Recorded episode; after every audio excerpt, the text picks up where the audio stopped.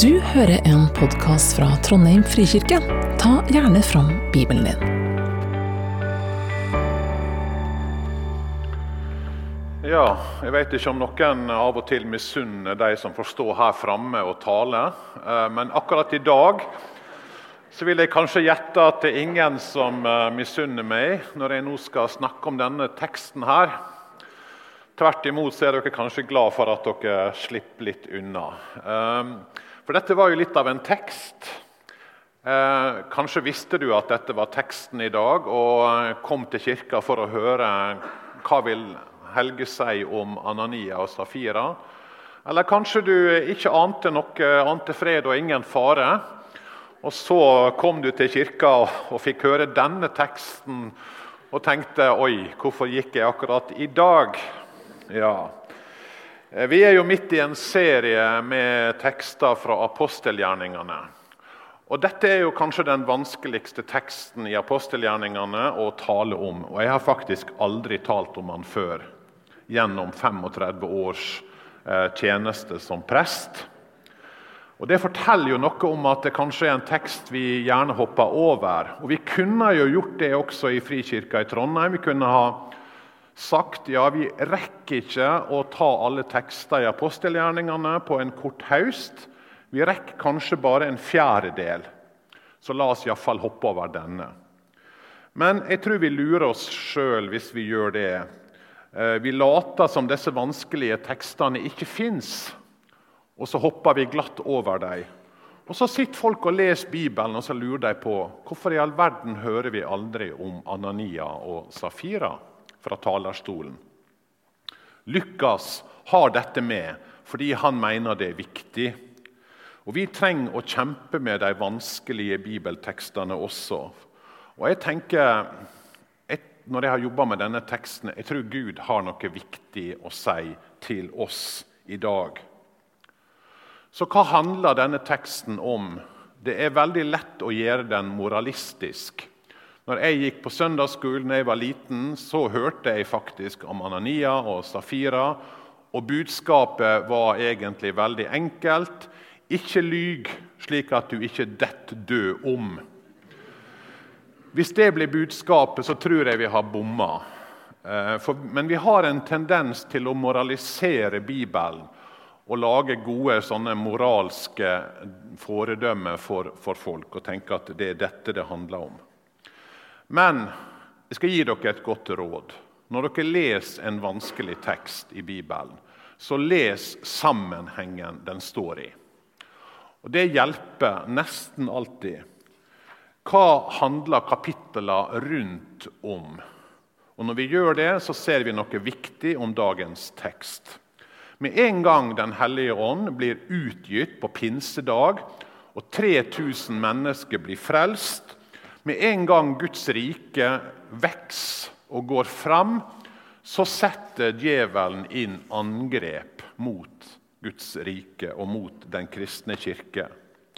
Nå er ikke dette en populær tanke for mange, men Bibelen er veldig tydelig.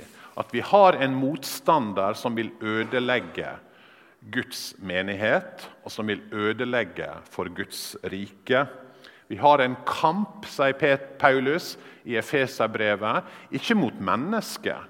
Ikke mot eh, annet enn, men vi har en kamp imot, ikke mot kjøtt og blod, men mot ondskapens ånde her i himmelrommet.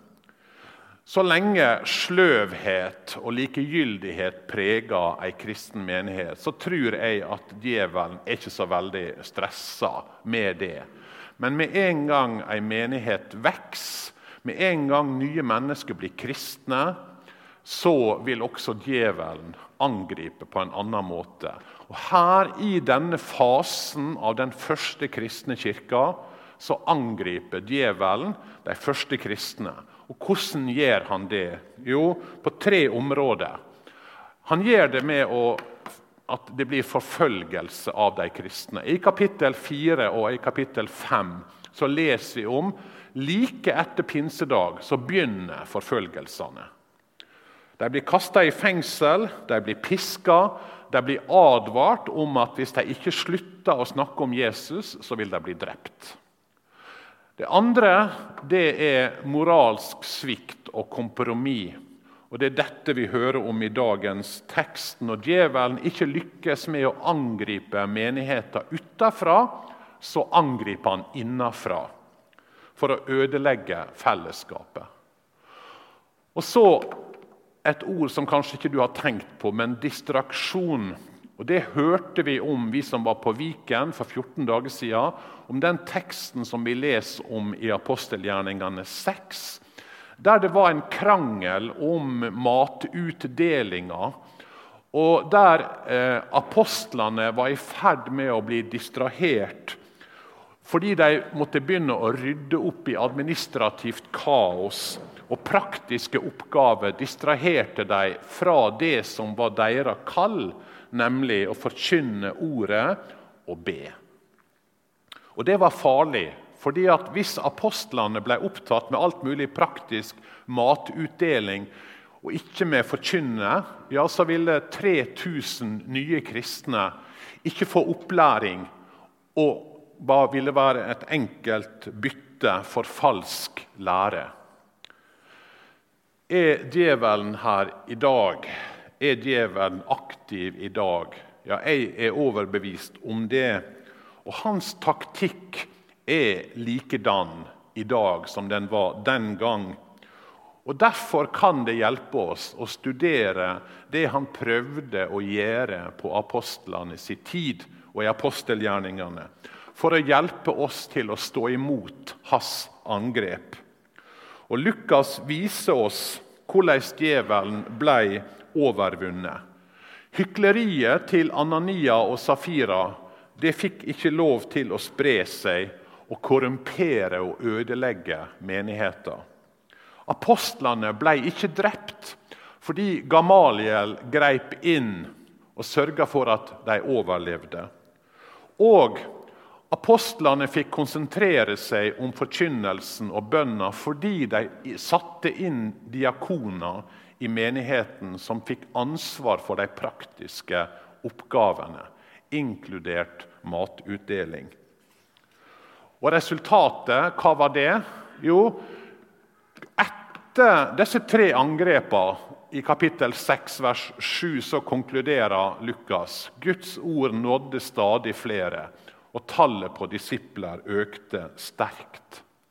De sto imot djevelens angrep, og resultatet var at Guds ord nådde flere, og Guds rike hadde framgang. Så La oss nå se på denne teksten og denne fortellinga om Anania og Safira. Og Det som slår meg, det er jo at Lukas er ærlig når han skriver ned det som skjedde. For Tenk deg at du skulle ha skrevet ned historier om en menighet. Ville du ha tatt med en sånn historie hvis den ikke hadde skjedd? Selvsagt ikke. Det er jo en elendig og trist historie, en vanskelig historie, men han tar den med likevel. Det forteller noe om at når Lukas satte seg fore å granske det som hadde skjedd, og skrive det ned, så gjør han det med stor integritet og ærlighet. Vi kan stole på det som står i apostelgjerningene og i Lukas. For det andre denne historien, at den blir tatt med, viser oss at Lukas var ikke redd for å fortelle at den første kristne menigheten ikke var perfekt. Det er ikke sånn at han forteller et glansbilde som vi skal liksom se opp til og tenke «Oi, så flott det var den gangen. Nei, han er ærlig, og han forteller at dette ikke er en perfekt menighet. Det var ikke bare idyll, det var ikke bare halleluja. Nei, vi har snakka om dette flere ganger, og jeg har gjentatt det gang på gang at begynnelsen på sant fellesskap det er at vi innser hvem er det som sitter her i Trondheim frikirke. Jo, det er syndere som svikter, og som faller, og som trenger Guds nåde. Men ja, greit, det forteller oss at Lukas er ærlig. Det forteller oss at den første menighet ikke var perfekt. Men hva så? Hva forteller denne fortellinga her til oss i dag? Vi snakka om det her i veka med en person, og så sier denne personen ja, er det sånn at Gud tar livet av alle som lyver. da? Og så måtte jeg si nei, da hadde ikke det vært mange igjen. Da hadde jo Trondheim frikirke vært tom i dag. Hvis det var sånn, Så det kan jo ikke være svaret. Hva er det som skjer? Historien om Anania og Safira kommer rett etter. Vi hørte jo eh, lest slutten av kapittel 4. En fantastisk fortelling om enheten mellom de første kristne. Om et fellesskap som var utrolig raust, og der de delte med hverandre. Denne setningen, jeg vet ikke om dere la merke til henne, men, men det er jo en fantastisk setning. Alle de troende var ett i hjerte og sinn. Ingen regnet det de eide, som sitt eget. De hadde alt felles. Det er sånn at Du nesten går kaldt nedover ryggen på det. Tenk en menighet der det var sånn. De var i ett i hjerte og sinn. De regna ikke tingene de hadde, som sitt. De tenkte dette er vårt. Og De hadde en raushet, og de delte. Det var ikke kommunisme, for det var ikke påtvunget. Nei, dette var frivillig fordi Gud hadde fått gjort noe med hjertet deres. Og Det forteller oss at når Den hellige ånd får virke, så er ei av fruktene raushet. Raushet er ei frukt av Den hellige ånd. Deres glede var å selge eiendelene og gi bort, mens vår glede ofte handler om at vi skal kjøpe og få mer ting å beholde for oss sjøl. De var opptatt av å gi. Vi er opptatt av hva kan jeg få, hva slags rettigheter har jeg, hva har jeg krav på. De delte, mens vi er opptatt av å hegne og tenke dette er mitt, det har ikke noen andre noe med. Og Det forteller noe om hjertet som var prega av Den hellige ånd.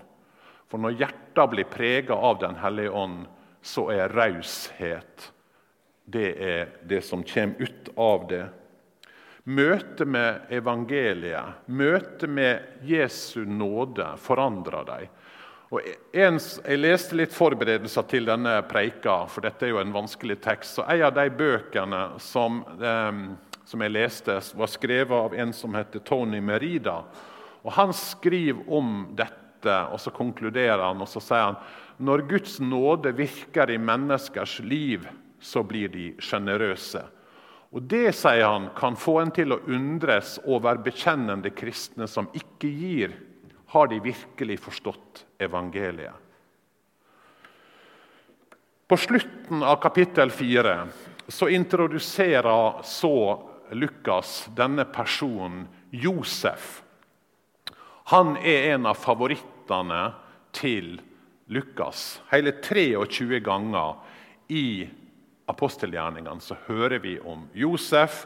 Han som var en levitt fra Kypros, og som fikk et nytt navn, eller et tilnavn. Han ble kalt Barnabas.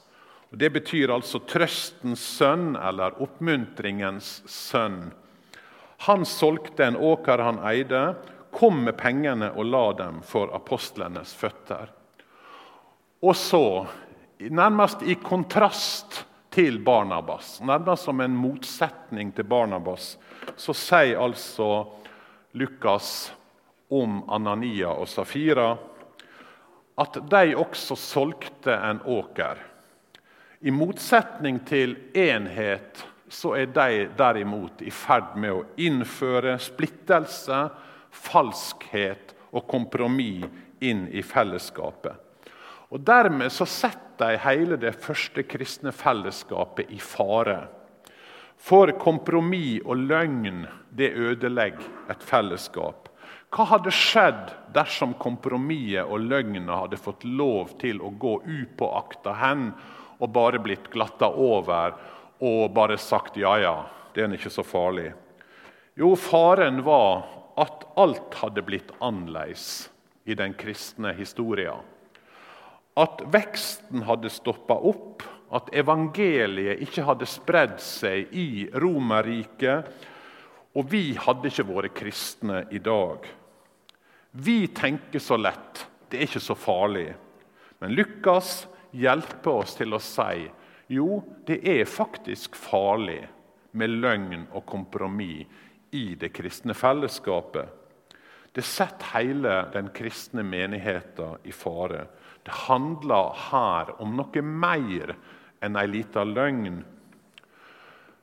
De hadde antagelig, fordi det blir, sånn som det blir fortalt, lovt at det salget av denne eiendommen skulle gå til menigheten. Det hadde gitt et løfte om det.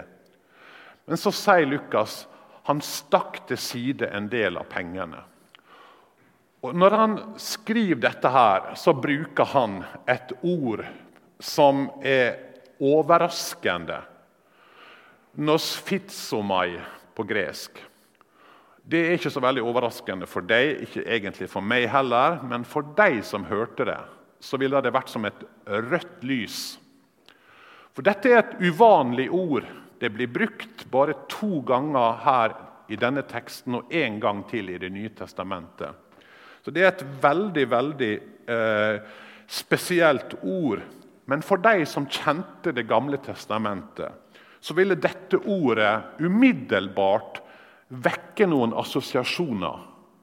Oi, nosfitsomai, ville de tenke. Og så var det som et litt sånn rødt lys gikk opp for dem. Vi som ikke kjenner Det gamle testamentet, og særlig ikke har lest det på gresk, vi klarer ikke å se dette her. Men for en jøde som hørte dette, så ville han eller hun umiddelbart tenke på Akan i Det gamle testamentet. For i den greske oversettelsen av Gammeltestamentet, den vi kaller Septuaginta, der er dette ordet brukt om Akan i Josva kapittel 7. Og hvem var Akan? Ja, vet ikke om du husker historien. For en jøde var det veldig veldig høyt oppe i bevisstheten. Fordi Akan det var han som stjal av det bannlyste godset da israelsfolket hadde vendt tilbake igjen til Kanans land, gått over Jordan, beseira Jeriko og skulle innta landet. Det som Gud på det sterkeste da advarte mot, det var at de ikke skulle ta av det som var bannlyst. Men Akan gjorde det, det førte til at Gud ikke lenger var med folket. De led nederlag, og fiendene slo dem. Og Dette var altså rett etter at de hadde gått inn i Kanaan. For å starte et nytt kapittel i frelseshistoria. Nå skulle de bli Guds folk i Kanaan. Og Her har det blitt for meg en nøkkel nøkkel til å forstå historien om Anania og Safira. Det virker som om Gud i kritiske øyeblikk i frelseshistoria, når noe nytt blir etablert, når de går ut av Egypt, når det nye Guds folk blir etablert i Kanaan, når det nye Guds folk blir etablert i Jerusalem, den første kristne menighet, så er det som om Gud sier høyt og tydelig I denne menigheten, i mitt folk, så er ikke kompromiss noe som hører til. Kompromiss vil ikke føre oss dit vi skal. Vi må gå all in. Det handler om å være helt ærlige og transparente. Det er som om Gud i kritiske øyeblikk i frelseshistoria sier Guds folk, DNA i Guds folk, er sannhet og ærlighet. Det er altså ikke en ny moralsk standard som Gud innfører som en sånn generell standard for alle, og som på en måte sier at ja, lyver du heretter, ja, så dør du, faller du død om. Som sagt, hadde det vært det hadde dette vært en moralistisk fortelling, så hadde vi jo ikke sittet her, noen av oss.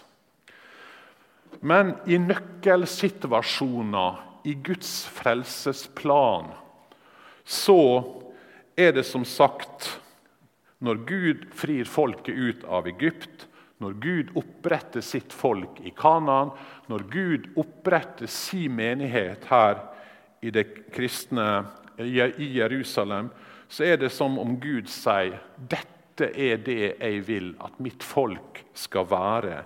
Ikke et folk av løgn og kompromiss, men av sannhet og ærlighet. Og Så hjalp det meg til å se at denne historien er unik. Den er spesiell. Det løser ikke alt selvsagt med denne fortellinga. Men det er viktig å se at dette skjer i en helt konkret, spesiell situasjon. Vi leser hele Bibelen om folk som stjeler, men ingen av dem dør.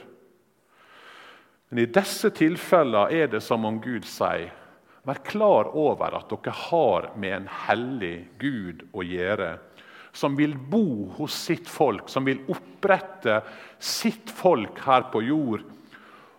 Guds folk og dette fellesskapet er ikke stedet for kompromiss og løgn. Så syns jo vi at Gud er veldig eh, drastisk da når han skal framføre dette budskapet. Men delvis tror jeg at nettopp det drastiske førte til at de skjønte det. Og For det andre så står det jo ingenting om at Anania og Safira gikk fortapt. Det tror jeg faktisk ikke de gjorde. Gud sier noe alvorlig om dette her. En fortelling om løgn og kompromiss og grådighet. Og antagelig et ønske om status i menigheten. Ingen i den første menighet trengte å selge det de hadde. Ingen trengte det. Og om du solgte, så trengte du heller ikke å gi alt. Men Anania og Safira de vil ha anerkjennelse. Kanskje de så at Barnabas Wow! Alle tenkte du verden, Barnabas, trøstens sønn. Og så drømte de om den samme status som han så De inngår altså en avtale om å selge og gi alt til menigheten. Og når de har gjort det, så holder de altså tilbake. De holder tilbake en del av summen. Og når de blir konfrontert med dette, så lyver de. De vil framstå som rause og fromme, og de lot som om dette var alt. Og griskheten var sterkere, så de stakk unna pengene. Så hva kan vi, hva kan vi få når vi skal gå fra gudstjenester her i dag? Hva er det vi skal ta med oss? Jeg har noen tanker som jeg har bare lyst til å dele. Det første er jo at det virker som når, når Peter konfronterer dem, så sier han det å lyge for oss det er akkurat det samme som å lyge for Gud. For første gang i apostelgjerningene så bruker Lukas ordet 'eklesia' om menigheten. De som er samla, de som er utvalgt. Ordet vi oversetter med 'menighet'. Og Bibelen forteller at menigheten er Kristi brud, elska av Jesus. Og han vil ikke løgn og kompromiss inn i sitt fellesskap falskhet og splittelse vil ødelegge. Det er så mye mer alvorlig enn vi ofte tenker, fordi det ødelegger fellesskapet med hverandre. Og Dermed står vi også i fare for å ødelegge fellesskapet for, med Gud. Og Så tror jeg denne teksten i alle fall for meg ble en påminning om at det er alvorlig å gå på kompromiss med samvittigheten. Det skjer noe med oss når vi gjør det. Og Derfor sier også Paulus eh, i senere apostelgjerningene han sier at derfor bestreber jeg meg på alltid å ha en ren samvittighet for Gud og mennesker. Alltid, sier han. For samvittigheten blir sløva av kompromiss og av løgn og falskhet. Og Derfor er mitt råd til deg når du har dårlig samvittighet for noe. Ja, ikke undertrykk det, ikke overså det, men snakk med noen du har tillit til, om det. eller gå og gjør opp med den du har dårlig samvittighet overfor. Apostelen Paulus, han, Johannes sier at når vi vandrer i lyset, da har vi samfunn med hverandre. Og Dere skal få et Bornhoffer-sitat i dag også. For han sier at synden vil ha mennesket for seg selv. Det er ganske sterkt, det han sier. Synda ønsker å ha oss for oss sjøl. Skjule det. Ikke åpne opp for det. Men så sier han jo dypere mennesket vikler seg inn i synden, desto mer uhelbredelig blir ensomheten. Og Dette kan skje midt i det fromme fellesskapet. I skriftemålet bryter evangeliets lys inn i hjertets mørke og innesluttethet. Synden som var skjult, skilte mennesket fra fellesskapet og gjorde hele det såkalte fellesskapet til noe uvirkelig. Den bekjente synden hjalp ham til sant fellesskap med andre i Jesus Kristus. Å vandre i lyset, når vi gjør det, da har vi fellesskap med hverandre. Og Bonhoeffer han sier at den som blir alene med sine vonde ting, han blir helt alene. Adanias og Safira eh, holdt tilbake, laug, levde i mørket. Jeg tror denne teksten hjelper oss til å se alvoret med det å gå på kompromiss med samvittigheten din. Og så det siste alvoret med kirketukt. Og det er veldig veldig sjelden jeg taler om akkurat dette. For dette er så vanskelig. På den ene sida har det vært så mange dårlige eksempel på streng og kynisk og hard utestengelse fra nattverdbordet. Og særlig for spesielle synder, gjerne på det seksuelle området. Mens synder som Bibelen ser på som enda mer alvorlig enn seksuell synd, nemlig hovmod og stolthet og baktalelse, det går fri. Så vi har med oss ei historie kirke, gjennom kirkas lange historie som er vanskelig på dette området. Samtidig så tenker jeg at de færreste kirker overhodet har noen eh, si, kultur for å irettesette synd. Vi lever i en kultur der det å skulle konfrontere noen med ting de gjør som er galt, nærmest er umulig eller fryktelig vanskelig. Hvem er du som skal si noe om mitt liv? Pass deg sjøl. Og så lar vi synd og løgn og baktalelse få lov å bare være der, men det får lov å gro, og så ødelegger det livet til den som lever i det, og så ødelegger det fellesskapet. Og så får det slå rot mellom oss. Hva er svaret? Ja, jeg veit ikke helt. Men jeg drømmer jo om ei menighet der vi hjelper hverandre i kjærlighet, med tårer, hjelpe hverandre når noen ser at andre er på, på, på, feil vei. Når noen har gjort det i mitt liv, så har det jo vært tøft. Jeg må jo innrømme det. Det er ikke lett når noen kommer og sier til meg at dette er, dette er kanskje galt. Har du tenkt over det? Burde du bekjenne dette? Samtidig har det jo hjulpet meg til å komme bort fra en vei som kunne ha ført meg til enormt masse elendighet. Og kanskje hadde ført meg vekk fra Gud. Kan vi være en menighet der vi hjelper hverandre også med dette? Og våger å konfrontere hverandre på en kjærlig måte? Og Da tenker jeg det er en veldig god regel at skjulte synder skal behandles i det skjulte.